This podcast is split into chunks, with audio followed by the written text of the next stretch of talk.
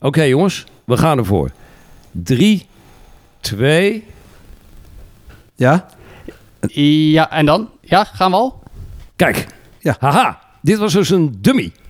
Huh? Dit was een dummy. Net als de net niet Ah. pitstop van Mercedes in Monza. Haha. Ha, ha, ha, ha, ja, ja, ja. Ja, ja, ja, ja, ja. Goed, oké. Klein geitje aan het begin.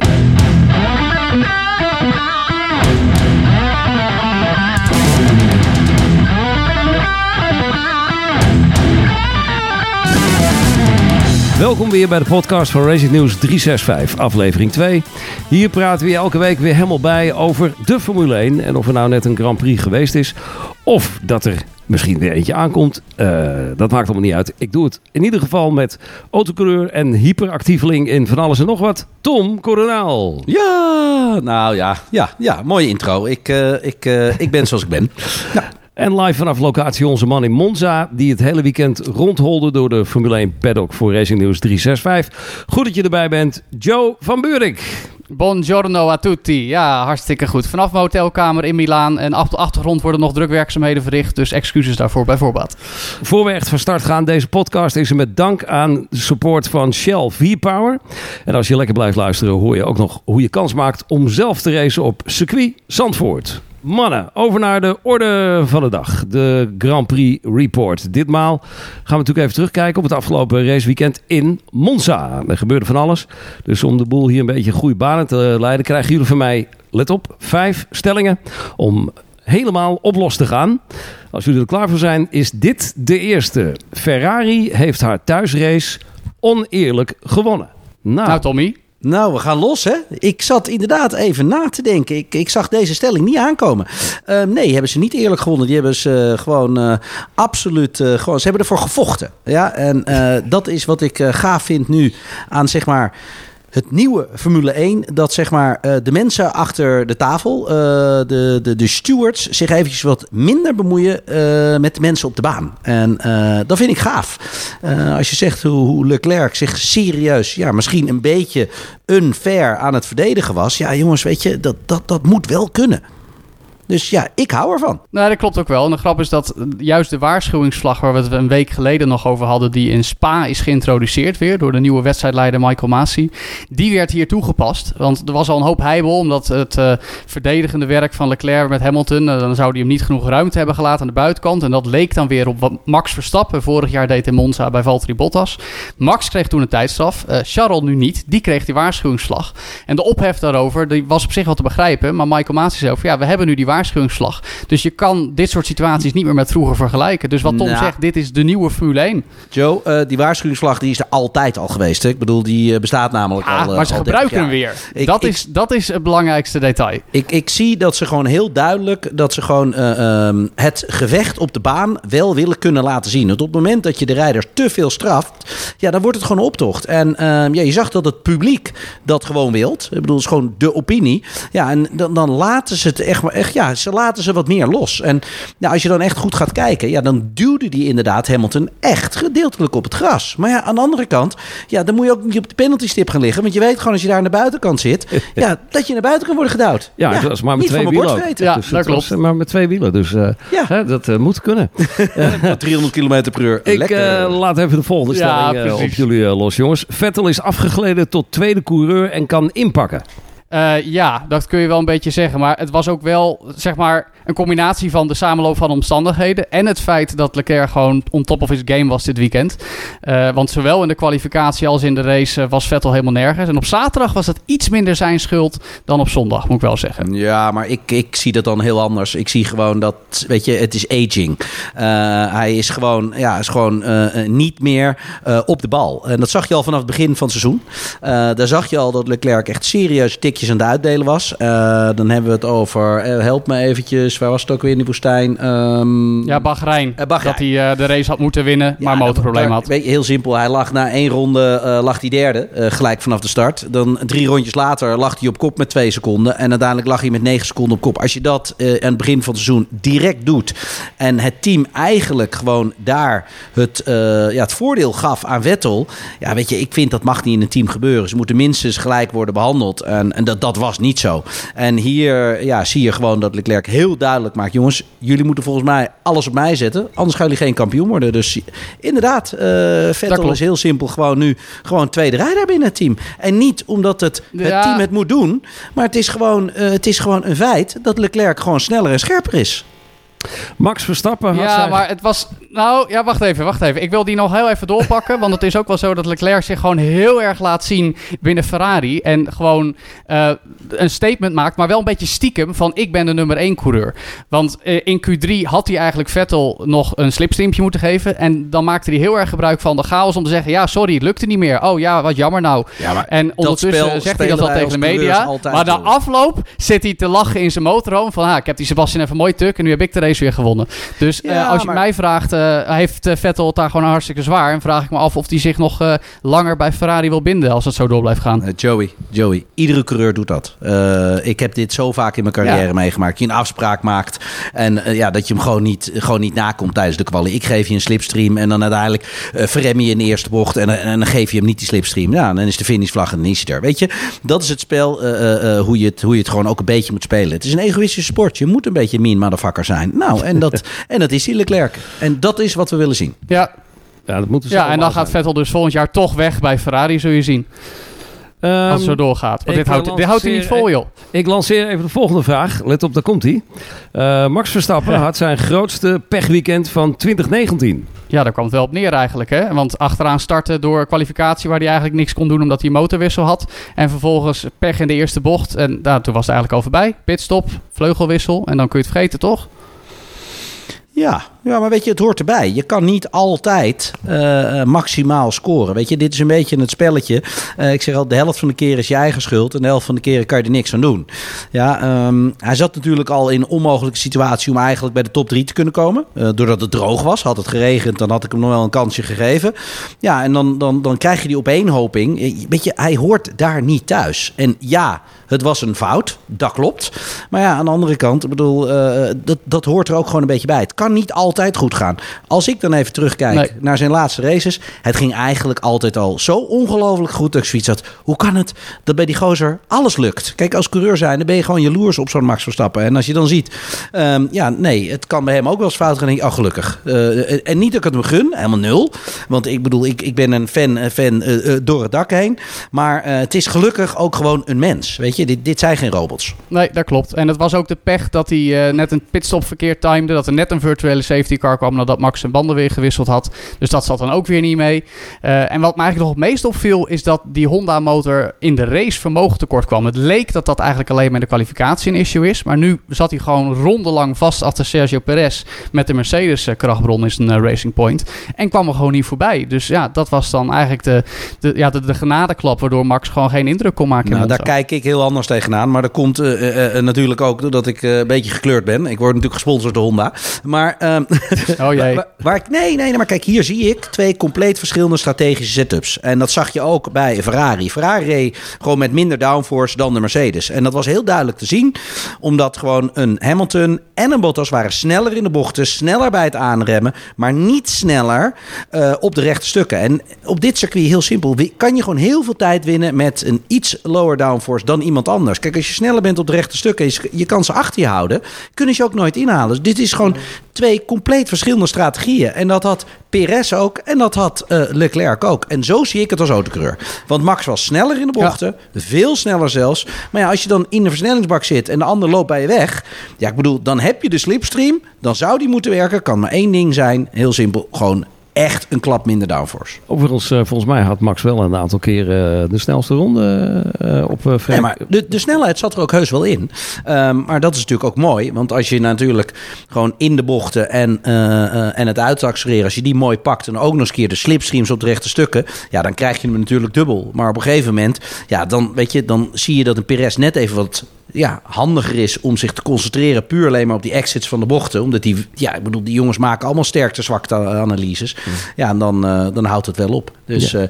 uh, um, ook natuurlijk is de motor iets sneller, maar normaal gesproken ja. in de slipstream, inclusief DRS, moet je er makkelijk langs kunnen. Maar uh, op race pace uh, deed die motor uh, volgens mij goed mee met, met de rest, toch? Nou ja, kijk, weet je, wat is wel... Jawel, jawel. Maar er zit, het zit allemaal best dicht bij elkaar, hoor. Mercedes, ja. Ferrari, Renault en Honda. Het gat is allemaal niet zo heel groot. Maar ja, dan toch in zo'n power circuit als Monza worden de, de nuances weer duidelijk. Ja, maar dat gaan we de volgende races gewoon weer wegzetten. Gaan we weer, gaan we weer wegmerken. De volgende die ik even op jullie loslaat. Heren, let goed op. De Renault-motor is effectiever dan die van Honda. Ja, dat vond ik mooi, want dat had ik al geroepen in mijn vlog op de website. En toen kreeg ik al een heleboel eh, reacties van mensen die er allemaal niks van begrepen.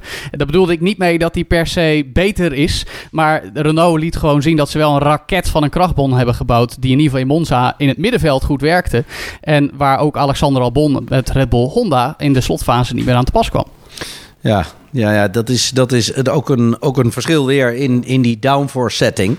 Ehm, ik bedoel, want inderdaad, de motor is natuurlijk een belangrijk onderdeel. Uh, maar het gaat er ook om, ja, uh, waar wil je snel zijn? Wil je op de rechte stukken sneller zijn? Of wil je net eventjes door de bochten je tijdwinst pakken? Ja, ja maar wat, wat, me wel opviel is dat tijdens het weekend zei Max ook dat er nog wel, zeg maar, er zit een heleboel veiligheidssystemen in die Honda motor gebouwd. En ze zijn nog steeds heel erg voorzichtig, willen niet te veel risico nemen. Klopt. En dat had hem op, op zaterdag al wat parten gespeeld. En nu ook op zondag zeiden ja, elke keer als ik in de, in de Tour de begrenzer kwam, dan verloor ik een paar seconden het vermogen. Want dan is er alweer een systeem in die krachtbron van Honda die zegt, oh jee, nee, het gaat fout. Dus dat zijn van die dingen dat juist om, omdat Honda echt niet wil dat dat ding stuk gaat, dat er nog wat untapped potential zit. Dus, dus er moet nog iets meer balans gevo gevonden worden tussen risico nemen en, uh, en de power. En, en, en ja. dat heeft Renault op het moment misschien iets beter voor elkaar. Dat is meer wat ik bedoel te zeggen. Nou ja, logisch dat je ziet dat Renault ook meer risico durft te nemen. Want ik bedoel, er zijn er vaker uh, zijn de motoren geploft. Dus, dus dat verhaal maakt. Ja, nee, zeker waar. En dat is natuurlijk bij Honda, bij zo'n merk. Ik bedoel, ik begrijp me als baas van Honda dat prio moet zijn dat hij niet mag ploffen. Races winnen is oké, okay, maar ploffen is tien keer erger. Uh, en dan nog veel erger ja. als hij op kop ploft. Ja, dat is nog erger. Ja. Dus ja, en dat is natuurlijk een balans die je, die je met elkaar moet vinden. Maar daar gaan ze heus wel uitkomen. Maar inderdaad, Japanners zijn daarin net even wat voorzichtiger. Dat, uh, dat is een feit. Maar voor Max uh, maakt dat in en de natuurlijk ja, die, wat, ik neem aan dat Max liever wil winnen. Want als de motor ploft, ligt het niet aan Max. Ja, maar dat is dus die balans. Ja, ja het, weet ik het is niet alleen de autocoureur. Het is, het is motor, motoren, chassis, auto. Weet je, alle factoren moeten wel precies kloppen. We hebben het gezien in Oostenrijk. Dan mocht hij hem wel even net even openschroeven. Ja. Want daar roken ze gewoon een kans. Kijk, je, je moet het wel doen als het ook echt nuttig is. En hier ja, zagen ze gewoon dat de Ferrari en de Mercedes toch sneller waren. Dus waarom zou je hem dan opschroeven? Misschien is dat ook de vraag. Maar weet je, uh, dit is intern. Uh, daar zullen ze ja. zeker, zeker naar kijken. Ik durf daar niet te veel over te zeggen. Oké, okay, de volgende vraag. Q3 was een farce. De kwalificatie in de Formule 1 moet anders. Dat gebeurde natuurlijk wel. Ja, dat was wel een beetje een bizar tafereel op zaterdagmiddag in Q3. Met z'n allen tegelijk heel langzaam à la surplus in de wielrennerij over de baan. Uh, ja, Tom Coronel, leg even uit wat het belang van Slipstream ook weer is op uh, Autodromo Nationale di Monza. Ja, nou ja, dat is gewoon, dat is gewoon drie vier tiende. En ik bedoel, die, die kan je anders niet vinden. Dus er is geen autocreur die voorop wil rijden. Dus ja, dus, dus het is dat, weet je, weet je, beetje, beetje dat, dat plagen naar elkaar van pak jij hem, nee, pak jij hem, pak jij hem. En uiteindelijk, ja, vergeten ze eigenlijk dat ze tijd tekort komen. Ik bedoel, wij hebben dit ja. gehad in Salzburgring 2013. Toen hebben we allemaal, ik geloof, zo'n 5000 euro boete gehad. En, ja, en dan heb ik het echt over 15 man. Ja. Omdat de FIA woest was hoe wij ons aan het gedragen waren. En er schijnt ergens in het, in het boekje te staan met de reglementen. Het in discrediet brengen van de autosport. En dan kunnen ze dan iedere. Ja, ieder bedrag kunnen ze erop zetten wat ze willen. Dat is eigenlijk zo'n regel, weet je, zo'n artikel 7 als op de weg. Als je iets gevaarlijks doet wat zij vinden, dan krijg je gewoon een bekeuring. Ja. Klaar. Gewoon, gewoon open, open. Maar dat is wel grappig, wel grappig dat je erover begint. Want er werd ook al gesuggereerd, nou, er moet de hele top 10 maar een gridstraf krijgen. En dan krijgen we een totaal andere startgrid op zondag. Uiteindelijk kwamen alleen Hulkenberg, Sainz en Stroll bij de stewards. Die kregen allemaal een waarschuwing. Dus ja, het werd allemaal niet zo heet gegeten als wat jij hebt meegemaakt, Tommy, toen je 5K moest afrekenen. Uh, maar het, het, heeft wel de mensen in de Formule 1 een beetje aan het denken gezet. Van, goh, moeten we dan de kwalificatie veranderen? Dus wel heel erg typisch Formule 1. Oh, er gaat iets mis, we moeten er iets aan doen. Terwijl het eigenlijk natuurlijk alleen op een circuit als Monza en oké, okay, Spa een week eerder ook geldt. En uh, op andere banen, dan zouden we dit soort gekke momenten niet meer moeten hebben eigenlijk. Maar ging het niet om gewoon ruimte geven aan elkaar? Want je kan natuurlijk wel langzaam rijden als je maar ruimte laat dat de ander er tussendoor kan Ja, maar er is niemand die voorop wil. Dat, dat is het probleem. Maar nee, op een gegeven moment wilde Vettel, die wilde, die zei kom op laten we gaan. En toen zat, zat Hulkenberg en nog iemand die ja, maar zat hij, uh, hij kan wel gaan, maar, hij kwam tijd tekort. Dus ik bedoel, nee, maar hij kon er niet door. Ja, ja maar dat was niet dat nee, was dat, op dat ja. moment. Maar niet, niet de hele ronde. Nee, oké, oké. Maar toen Nee, was het al te laat. Dat klopt. En, en, en, Het, het gaat erom dat inderdaad, eh, eigenlijk ze waren allemaal idioten die alleen maar naar hun engineers hadden geluisterd. Die hadden natuurlijk berekend, nou je moet die slipstream hebben, dus je moet maar wachten. En dan, oh ja, nee, nu toch maar gaan, oh shit, te laat. Weet je, dus ze waren eigenlijk, omdat ze allemaal wisten van nou dit moeten we doen. En hopen dat er maar iemand niet hetzelfde heeft bedacht als wij. Maar ze hadden allemaal hetzelfde plan. En dus ging het bij iedereen mis eigenlijk, behalve Charles Leclerc, want die pakte wel Paul. Jongens, dit hoort gewoon bij het spelletje eh, van autocoureur zijn. You win some, you lose some. Eh, ik, ik, ik zie het zo. En wij kregen allemaal straf. Maar ja, weet je, dan zie je in de Formule 1 te veel belangen. Ze durven gewoon niemand echt op de vingers te tikken. Want uiteindelijk, ik bedoel, het was gewoon, het was gewoon ja, zo het spelletje is. Nou, dan is er toch een uitslag. Ik bedoel, er zijn toch mensen die een tijd hebben gezet. Dus jammer dan. Ja. Goed, jongens, we gaan even... Ja, dat is wel zo. We gaan even naar het volgende onderdeel. Terugkijken op coureur versus kenner. Uh, ja, de voorspellingen van onze coureur en de kenners. Uh, kijken hoe goed jullie het er uh, vanaf hebben gebracht. Want jullie zijn oh allebei... Tom en Jo, jullie zeiden allebei... Wie pakt pole position? Jean Leclerc. Ja, logisch. Ja, ja, ja je ziet, ziet maar wel op een hele gekke manier. Dat hebben we net al vastgesteld natuurlijk. Ja, maar pakken is pakken, Joey. Ik bedoel, maakt mij niet uit hoe het gebeurt. Ja, ja. Uh, we hadden hem gewoon ja. goed. En uh, dan zie je dus hoe slim en hoe handig die is. Ik bedoel, wij noemen dat een beetje een banker neerzetten. Dan kan je wel zeggen, ja, die anderen hebben niet de kwalificatie gereden. Die hebben wel de kwalificatie gereden, alleen niet de laatste outing. Ja, dat hebben ze zelf verspeeld door het risico te lopen. Dat is wel waar. Het, het was, en, en ja, nogmaals, ik had net al gezegd, Vettel die daar nog het meeste pijn van had. Want die had eigenlijk gewoon al, in ieder geval op de eerste startrij moeten staan. En daar waren ze bij Ferrari ook wel een beetje boos over intern hoor. Want na de race op zondag zei met Tia Binotto nog een keer van... nou ja, ik heb uh, Charles weer vergeven voor wat er gisteren gebeurd is. Dus uh, het, het, het, was niet helemaal kosher binnen de Ferrari Hospitality na uh, de kwalificatie. Heerlijk Dus om, om aan te geven dat... Ja. ja, ja, ja. Je moet altijd er eentje, eentje gaat er huilen, Joey. Ik, ik, in, mijn, in, in mijn raceteams is het standaard dat je gewoon... Ja, eerst moet je voor je teamgenoot staan. En hoe je het doet, dat interesseert helemaal niemand wat. Want dat vergeten we allemaal. Wij praten er nu wel over. Maar uiteindelijk, we weten wie er op pol stond wie er gewonnen heeft. En dat kan er maar één. En als je een beetje gemeen moet zijn, ja, dan doe je dat. Ja, dat blijkt weer. Oké, okay, de andere voorspelling, uh, namelijk wat werd de top 3 in de race? Uh, Tom en ik zeiden Leclerc 1, Hamilton 2 en Max 3. Joe zei Vettel 1. Oké. Okay. Uh, Leclerc ja. 2 en Hamilton 3. Uh, maar... Ja, dan wil ik wel even aangeven. Wie, wie, is er dan optimistischer geweest? Jullie met Maxi naar het podium zou gaan? Of ik met die dacht dat Vettel zou winnen? Hè? Um, ja. Gemiddeld gezien uh, zitten Jeroen en ik er beter bij dan jij, Joey. Ja. Pak ja, het gemiddelde nee, nou, is het zo. Ja, nee, maar ja, bedoel, als jij wil kijken ja, wie er gelijk waar. heeft, dan is de eerste de winnaar hadden wij goed. En gemiddeld gezien zaten wij ja. er dichterbij dan jij. Ja. ja. Ja. Dat ja, dat is waar. Tegelijkertijd, uh, vergeet Bottas niet, hè? Die werd juist tweede en niet uh, ja. Hamilton. Ja, maar we hadden top 3 uh, genoemd, dus, en dan op P4 gezet. ja, oké, okay, dat is goed. Maar even zo goed, toch een redelijk prestatie van Bottas. Alleen wel jammer dat eigenlijk die alleen de kans kreeg toen Hamiltons banden eigenlijk al aan gort waren. En hij vervolgens ook niet voor elkaar krijgt, een fout maakt. En daarmee eigenlijk wederom laat zien dat hij geen kampioensmateriaal was. Wat hij overigens zelf ook zei na de race. Dus ja, toch voor Bottas ook weer een beetje een, uh, de zoveelste teleurstelling wat dat ja. betreft. Ja. ja, maar uiteindelijk finish hij wel als tweede en Hamilton zit ja. erachter. Ik bedoel, als Hamilton zijn banden achteruit, uh, achteruit gaan, dan, ik bedoel, dan begint hij ook gelijk te janken. En weet je, en tuurlijk, het is een ja. killer, want ik vind, ik, ik serieus, een Hamilton, die pak je niet. Je zag dat hij constant aan het jagen was, constant aan het treiteren was. Ik bedoel, Leclerc, die heeft nog nooit zo gezweet en heeft nog nooit zo zwaar gehad, dat zei hij ook. Ja, dan dat is klopt, Bottas dat misschien klopt, zeker. iets minder, uh, maar ja, ik bedoel, uh, hij, heeft, hij, hij heeft zich zeker even zorgen gemaakt, een paar rondjes. Ja, dat klopt. Zeker waar. En ik moet nog wel eventjes zeggen, en zeker, weet je, als je daarbij bent, en misschien, ja, Tom is vaak zat in Monza geweest, wist het wel. Jeroen, ben jij wel eens in Monza geweest bij de Grand Prix? Nee, Monza ben ik nooit geweest. Nou, het was echt fantastisch om te zien dat een Ferrari wint en die mensen compleet uit hun plaat gaan.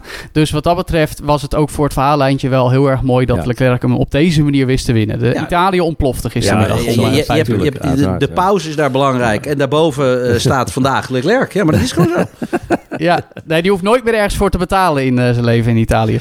Oké, okay, we gaan even de laatste voorspelling doornemen. Wie viel als eerste uit? Uh, we hadden allemaal gezegd Hulkenberg en Grosjean. Maar nee, dat werd uh, Saints in ronde 27. Ja, ja dat was een beetje een uh, ja, prutspitstop, uh, zoals Andreas Seidel, teambaas van McLaren, het zelf ook zei. Want er zat een wielmoer verkeerd op. Nou ja, en dan ja. is het heel gauw voorbij. Dat heeft misschien Tom ook wel eens meegemaakt, dat er een wiel vanaf rolt na je pitstop. Ja hoor, ja nee, ik, ik heb wel eens gehad dat velg afbrak. Volgens mij heb ik toen nog een brandweerauto gescoord in Villarreal, weet je wel. Dat was gewoon uh, de wielbouw braken oh, ja. af. En uh, ja, weet je, het is heel simpel. Op drie, op drie, wielen doet hij het niet. Dat is gewoon fairly simpel. En, maar ja, dat vind ik wel weer gaaf. Ook in die pitstops, weet je wel. Het, het, het wielen wisselen, het, het komt terug met tanken. Ik, ik hou ervan, weet je. Er mag ook wel wat meer actie naast de baan zijn. Ben ik helemaal met je eens. Dat is absoluut waar. Ja, ja dat was, uh, het was overigens wel een pechje voor Max. Want daardoor kwam die virtuele safety car... die ook weer ja. een negatief effect had op zijn race. Dus wat dat betreft uh, extra pech voor niet alleen Carlos, maar ook voor Max. Weet jij als luisteraar het beter? Vergeet niet dan dat je tijdens elke Grand Prix weekend zelf kan meedoen aan het voorspellen, de voorspelgame op onze site. En dan maak je ook nog eens kans op hele mooie prijzen. Dan de Shell V-Power vragenronde. Als je op de oproep op de site en social media kanalen van Race News 365 reageert met jouw vragen, kiezen we ze misschien wel uit om te stellen aan onze kenners. Zoals Tom en Joe hier. Let's go. Here we gaan. Alright. Max Davidsen die zegt het volgende.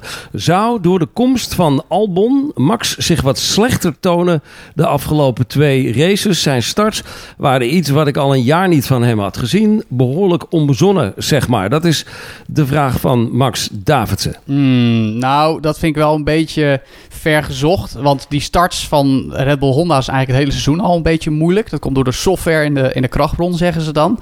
Um, en ja, ik vind ook niet dat Albon nog... Weet je, hij heeft twee oké races gereden hoor. In zijn eerste uh, outings bij Red Bull. Maar Zeker. echt druk zetten op Max? Mwah. Nee, geloof bijna nee, maar. Max heeft er geen slapeloze nacht van. Het interesseert nee. hem helemaal niks. Nee.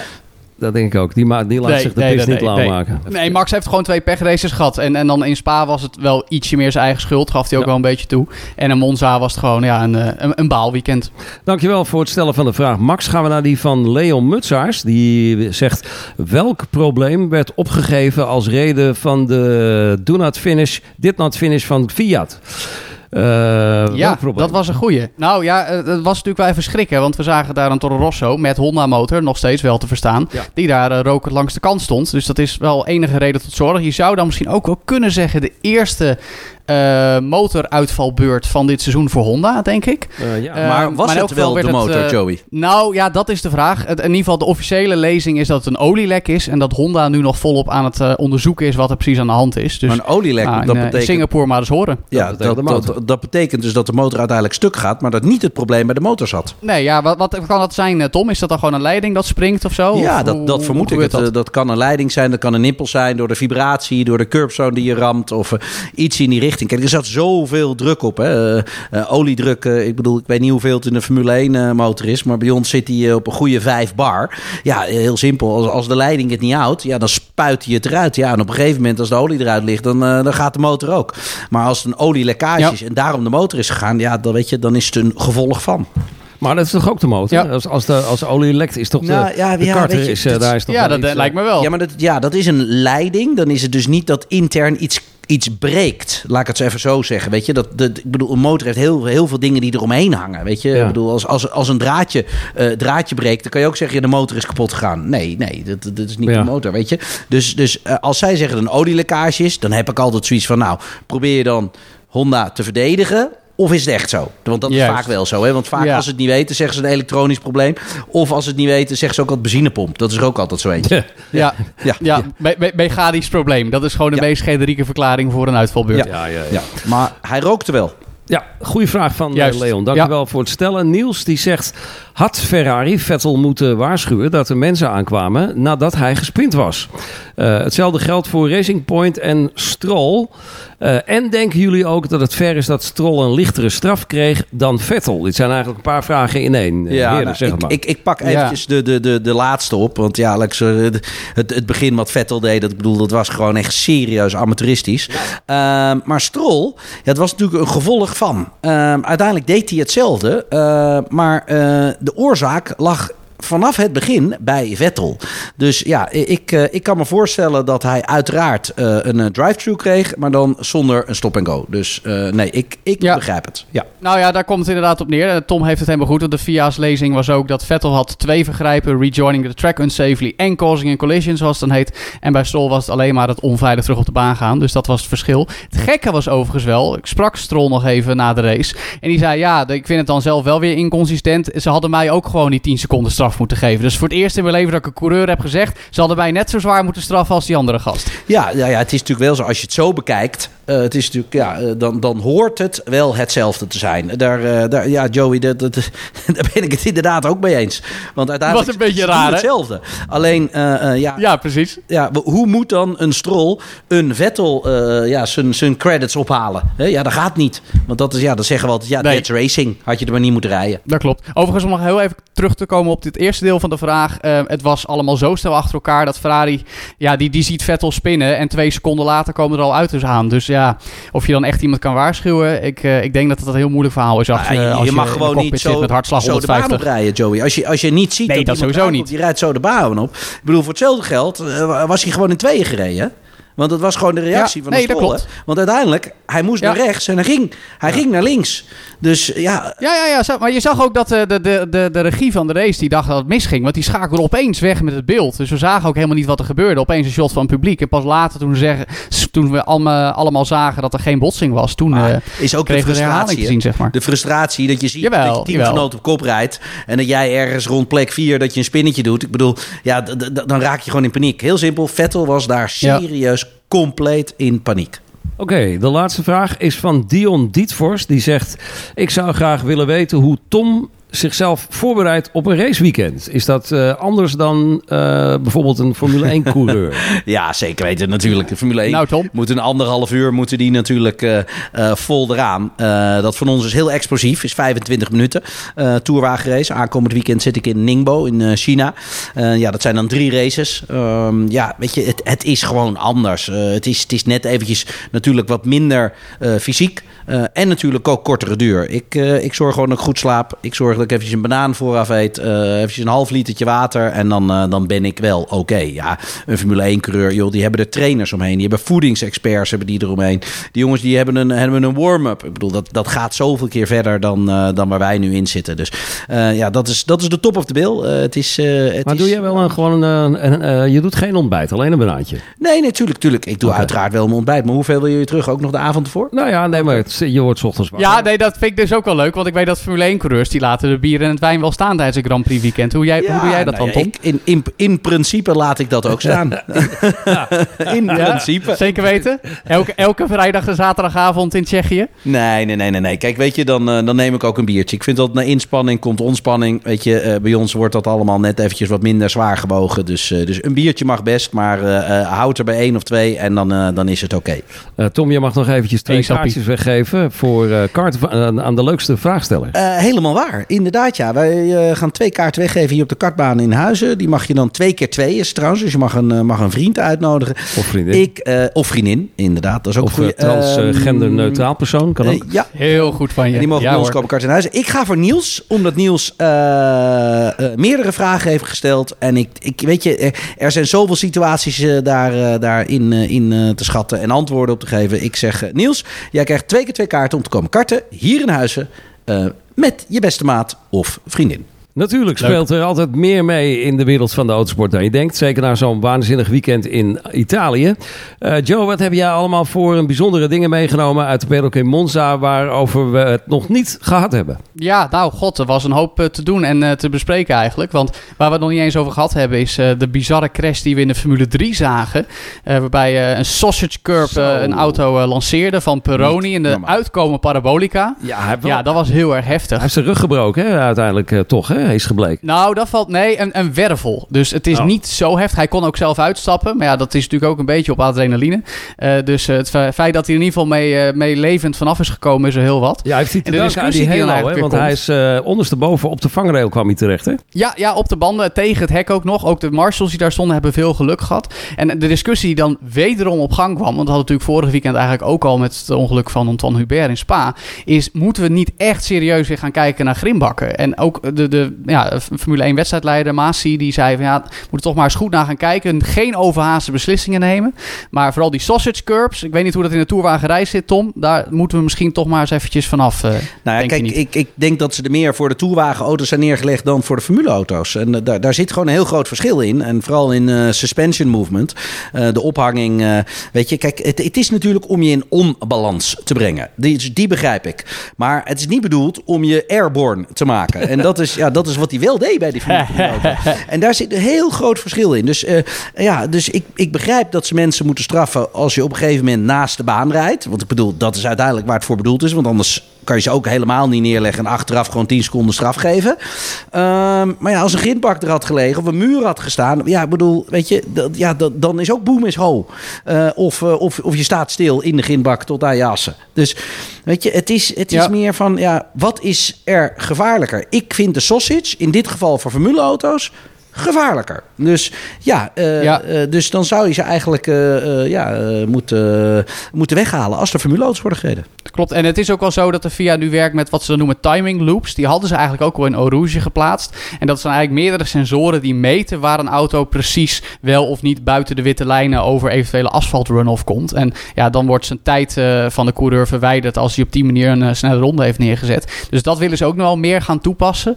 in ieder geval wel weer de nadruk op het feit dat dat uh, het gesprek over de grimbakken weer uh, volop uh, gevoerd wordt. En ik hoop stiekem dat we ze weer meer terug gaan zien. Maar ja, dan blijft de discussie: willen we dat? En dan als een auto er buiten komt, dan valt hij uit. Of willen ze laten rijden zodat ze door kunnen racen en we meer auto's in de wedstrijd? Ja, dat is natuurlijk heel duidelijk. Dat is natuurlijk een hele moeilijke in, in, in verschil met circuits, hè, ga je naar Paul Ricard. Ik bedoel, dan kan je 50 meter naast de baan ja. rijden, gewoon er weer oprijden. En in Monaco Tuurlijk. is gewoon 2 centimeter naast de baan, wat 1 millimeter. Ja, je staat op de vangrail. Zoals wat Max had, weet je, in de ja. quali. Dus ja, dit is het. Dit is Formule 1. Nooit niks veranderlijker dan dat. Zijn er nog verdere dingen die jij van de pedal kunt melden, Joe? Nou, nog eentje waar ik toch wel heel graag over wil hebben. Want we hebben natuurlijk een paar fantastische races op rij gezien. De Franse Grand Prix, Tom zei het al, Paul Ricard, daar was eigenlijk helemaal niks aan. Maar daarna hebben we natuurlijk in Silverstone, in Oostenrijk, in Hongarije, in Spa, in Italië. Het zijn allemaal gave wedstrijden geweest. En je ziet ook dat het allemaal een beetje dichter bij elkaar komt. We hebben het over motoren gehad. En dan heb je nog steeds wel die twee divisies, weet je wel. De drie topteams en het middenveld erachter. Dat komt natuurlijk omdat die topteams veel meer geld kunnen uitgeven. Um, maar ja, nu hebben ze erover dat we de hele sport op zijn kop willen zetten in 2021. Nieuwe auto's, uh, nieuwe verdeling. Uh, maar ja, is dat wel zo goed, weet je wel? Want nee. we hebben nu juist iets, iets, iets leuks te pakken. Moeten we weer alles veranderen? Nee. Nee, maar het is heel simpel. Tennis is ook 15, 30, uh, wat is het, 40 voordeel, nadeel. Je kent het allemaal wel. Ja, je moet niet constant die regels gaan veranderen. Het is zit, hier moet je het mee doen.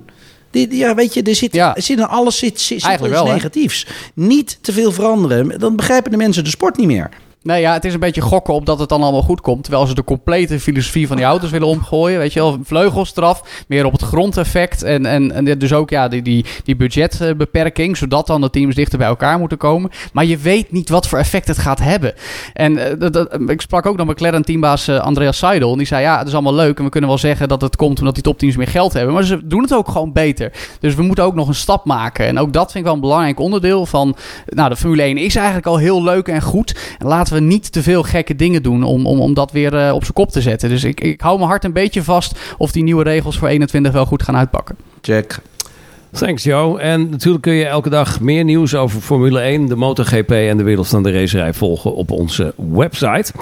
Uh, ja, voor ons is de finish ook alweer in zicht, heren. Uh, nu even rust, want uh, ja, de Grand Prix van Singapore is pas over een kleine twee weken. Uh, Tom en Jo, wat doen jullie de komende dagen in de autosportwereld? ja, zoals ik net zei, ik, ik vlieg, ik vlieg naar China toe. Ik heb dit weekend daar een wereldkampioenschap tourwagen met de Cupra. en de week daarna zit ik gelijk in Barcelona. Dus ja, ik, ik, ik zit eventjes veel in vliegtuigen aan de andere kant van de planeet. Maar wel lekker racen. Kijk, en Jo? Druk, druk, druk. Nou ja, ik ben uh, eigenlijk wel blij dat ik morgen weer lekker naar huis kan. Want ik heb uh, 15 dagen aan één stuk doorgewerkt uh, in Spa en Monza. Dus eventjes een weekje de beentjes omhoog, even andere dingen doen dan racen. En dan volgende week op het vliegtuig richting Singapore. Maar daar gaan we het volgende week nog even uitgebreid over hebben. Ja, ik ga beginnen aan het boek van uh, Kimi Räikkönen, wat al uh, lange tijd op mijn bureau me ligt te wachten. Dus daar ga ik maar eens even aan beginnen. Oh, leuk. Uh, vast heel leuk, want ik hoor daar veel mensen over. En tot zover... Ik wil nog even zeggen over Räikkönen trouwens. Die had een fantastische afsluiter van het weekend. Die zei, dit was een shit weekend. En eh, ik weet niet wie mijn auto gesaboteerd heeft, maar eh, dat kan echt niet. En het kan alleen maar beter gaan in Singapore. Dus dat weer classic. En ik hoop dat het boek ook helemaal vol staat. ja, precies. Ja, pre- precies. eh mooie, mooie, mooie uitspraak weer van Kimmy. Vrienden, tot zover de podcast van Racing Nieuws 365. Eh, goed dat je er weer luistert. En vergeet vooral niet je te abonneren op deze podcast via Apple Podcast of Spotify. Laat ook even een recensie achter op iTunes. En tot slot nog even, deze podcast wordt mede mogelijk gemaakt door Shell V-Power. En neem vooral een kijkje op racingnieuws365.nl slash Shell V-Power. Aan elkaar, zonder streepjes. En als je je daar aanmeldt, maak je kans op je eigen race experience op circuit Zandvoort. Geniet van je raceweek en tot de volgende podcast. Heren, hartelijk dank. Doei doei! Yo yo.